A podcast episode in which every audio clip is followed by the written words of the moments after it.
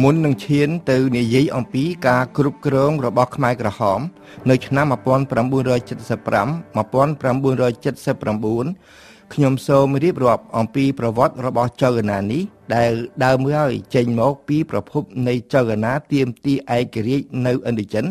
ហើយក្រោយមកបានក្លាយទៅជាចៅកណាកុម្មុយនីសតែម្ដង ដោយយកទៅតាមទស្សនៈគួបផ្សំចៅណាទៀមទីឯករាជ្យជាមួយនឹងការតស៊ូរបស់វណ្ណៈអធន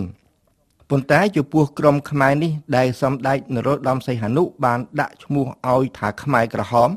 គឺជាចៅណាមួយដែលមានការតាក់ទងចិត្តស្និទ្ធនឹងអង្គការរបស់បញ្ញវន្តខ្មែរមួយក្រុមដូចជាសៅអ៊ុតសហៅប៉ុលពតអៀងសេរីដែលមានឈ្មោះដើមថាគឹមត្រាំងខៀវប៉ុននារីខៀវធីរិត ខៀវសំផនហ៊ូយុនជាដើមរីឯគំនិតដើម របស់ក្រុមនេះគឺគំនិតជាតិនិយមមួយប្រភេទដែលចង់រំដោះប្រជាជនក្រីក្រ ជាពិសេសកម្មករនិងកសិករឲ្យចេញផុតពីការជិះជាន់សង្កត់សង្កិនរបស់ពួកឈ្មួញបរទេសព្រមទាំងអ្នកដឹកនាំខ្មែរទាំងឡាយដែលគេចាត់ទុកថាសុទ្ធតែជាអ្នកដែលបើកផ្លូវឲ្យពួកមូលធននិយមកុំផាដ័រចូលមកធ្វើបាបប្រជាជនខ្មែរ។ គេអាចនិយាយបានម្យ៉ាងទៀតថា គឺចៅកណាអ្នកជាតិនិយមហួសហេតុមួយ ដែលផ្អែកទៅលើទ្រឹស្ដីកុម្មុយនីសតាមធម្មតាគំនិតជាតិនិយមជាគំនិតរបស់អ្នកអភិរក្សប្រកាន់និនាការស្ដាំប៉ុន្តែនៅក្នុងករណីខ្មែរក្រហមនេះ គឺបែរជាផ្អែកទៅលើគំនិតឆ្វេងនិយមទៅវិញនេះជាបដិវេតកម្មមួយ នៅក្នុងមនោគមវិជ្ជាកុម្មុយនីសរួចស្រេចទៅហើយ។ របបកុម្មុយនីសគឺជាការកាន់អំណាចផ្ដាច់ការរបស់វណ្ណៈអាធនដែលផ្អែកទៅលើសាមគ្គីនៃវណ្ណៈអាធនអន្តរជាតិដើម្បីវាយរំលំរបបមូលធននិយមប៉ុន្តែនៅពេលនោះដោយចលនាកុម្មុយនីសនៅអាស៊ីជាពិសេសនៅឥណ្ឌូចិនច្រើនតែចេញមកពីប្រភពអ្នកជាតិនិយមប្រឆាំងនឹងពួកអាណានិគមនិយម ការច្របូកច្របល់ក៏ស្ដែងចេញមកតែម្ដង។ ដោយឡែកចំពោះខ្មែរក្រហម គេបានផ្អែកការតស៊ូរបស់គេទៅនឹងគំនិតជាតិនិយមមួយដ៏ស្រួចស្រាវគឺគេកាត់ផ្ដាច់ប្រទេសកម្ពុជា ចេញពីចលនាកុម្មុយនីសនានាឯទៀតលើកលែងចេញតែប្រទេសចិន ប្រទេសរូម៉ានី ប្រទេសយូហ្គោស្លាវីដែលនៅពេលនោះមានទំនាស់ជាមួយសហភាពសូវៀតសហភាពសូវៀតដែលជាអ្នកគ្រប់គ្រងទីក្រុងហាណូយសូមបញ្ជាក់ថាតាមការពិតនៅពេលនោះ ប្រទេសណាក៏សុទ្ធតែមានគំនិតជាតិនិយមដូចតែគ្នា រួមបញ្ចូលទាំងប្រទេសរុស្ស៊ីផងដែរនៅសម័យនោះអ្នកដឹកនាំខ្មែរក្រហមយល់ឃើញថាប្រទេសកម្ពុជា មានអ្វីគ្រប់បែបយ៉ាងទាំងអស់ដើម្បីកសាងជីវភាពប្រជាជនខ្មែរគឺមិនបាច់រណបនឹងប្រទេសណាទៀតទេមួយវិញទៀត បុព្វបុរសខ្មែរបានកសាងដោយទៅបូរីអង្គរធ្លាប់បានកសាងចក្រភពមួយដ៏ធំនឹងគេដែររឿងអ្វីដែលពួកគេធ្វើបដិវត្តមួយជាគំរូសម្រាប់ពិភពលោកមិនបាននោះគឺនៅក្នុងទេសកលៈនិងបរិបទនេះហើយដែលខ្មែរក្រហមបានសាកល្បងកសាងប្រទេសកម្ពុជាតាមរបៀបពិសេសមួយរបស់គេ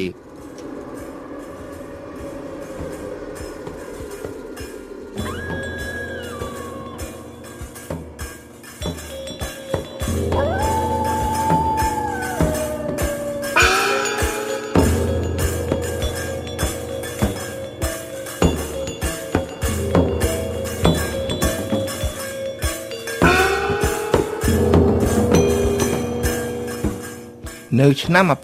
1953គឺមុនកិច្ចព្រមព្រៀងទីក្រុងហ្សឺណែវបន្តិចសៅរត់សដែលក្រោយមកមានឈ្មោះថាប៉ុលពត បានត្រឡប់មកពីស្រុកបារាំងវិញប៉ុន្តែគេមិនទាន់ចូលមកក្នុងប្រទេសកម្ពុជាព្រាមទេ គឺសាកល្បងតាក់ទងនឹងចលនាអិសរៈខ្មែរតាមរយៈខ្មែរវៀតមីងនៅប្រទេសវៀតណាមសិន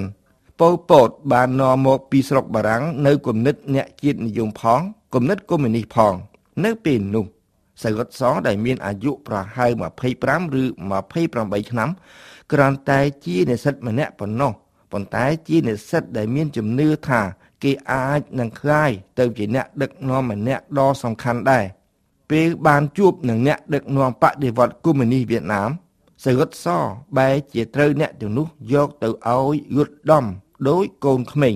គឺឲ្យបោសផ្ទះ ជូតបង្គន់ចាក់សម្រាមហើយទៅរៀនសូត្រនយោបាយដោយមនុស្សឥតចេះអសរពលពតមិនបានដឹងទាល់តែសោះថាគេនឹងខ្លាយទៅជាមនុស្សបែបនេះប៉ុន្តែចំពោះអ្នកបដិវត្តវៀតណាម ការលុតដំនេះជាការចាំបាច់ព្រោះតាមការពិត គឺជាវិធីរៀងខួរក្បាលមួយបែប ដែលកុម្មុយនីសធ្វើជាប្រចាំការសម្រាប់អ្នកដែលចង់ខ្លាយខ្លួនទៅជាអ្នកដឹកនាំវណ្ណៈអធិននៅថ្ងៃមុខ ប៉ុន្តែពេលដែលប៉ុលពតឬសរុតសចង់បានតួនាទីនេះនៅក្នុងប្រទេសកម្ពុជាសភាពការនៅកម្ពុជាបានត្រូវប្រែប្រួលអស់ទៅហើយ។តាមរយៈការខំប្រឹងប្រែងរបស់បញ្ញវន្តខ្មែរដែលមាននិន្នាការអភិរក្សនិងស្ដាមនិយមជាពិសេសការប្រឹងប្រែងរបស់ព្រះមហាក្សត្រខ្មែរព្រះបាទនរោត្តមសីហនុប្រទេសកម្ពុជា បានទទួលឯករាជ្យតាមផ្លូវច្បាប់រួចស្រេចទៅហើយ ក្រោយកិច្ចព្រមព្រៀងទីក្រុងហ្សឺណែវចៅអាណាអិសរៈខ្មែរត្រូវរំសាយចោលទាំងអស់រីឯពួកវៀតមីងដែលបង្កប់ខ្លួននៅកម្ពុជាក៏ត្រូវត្រឡប់ទៅស្រុកវិញទាំងអស់ដែរក្រោមការត្រួតពិនិត្យរបស់អន្តរជាតិដោយអស់ពេលវេលាខ្ញុំសូមស្ទះត្រង់នេះសិនចុះនៅសប្តាហ៍ក្រោយខ្ញុំនឹងរៀបរាប់ប្រវត្តិរបស់ចៅអាណាខ្មែរក្រហមបន្តទៅទៀត។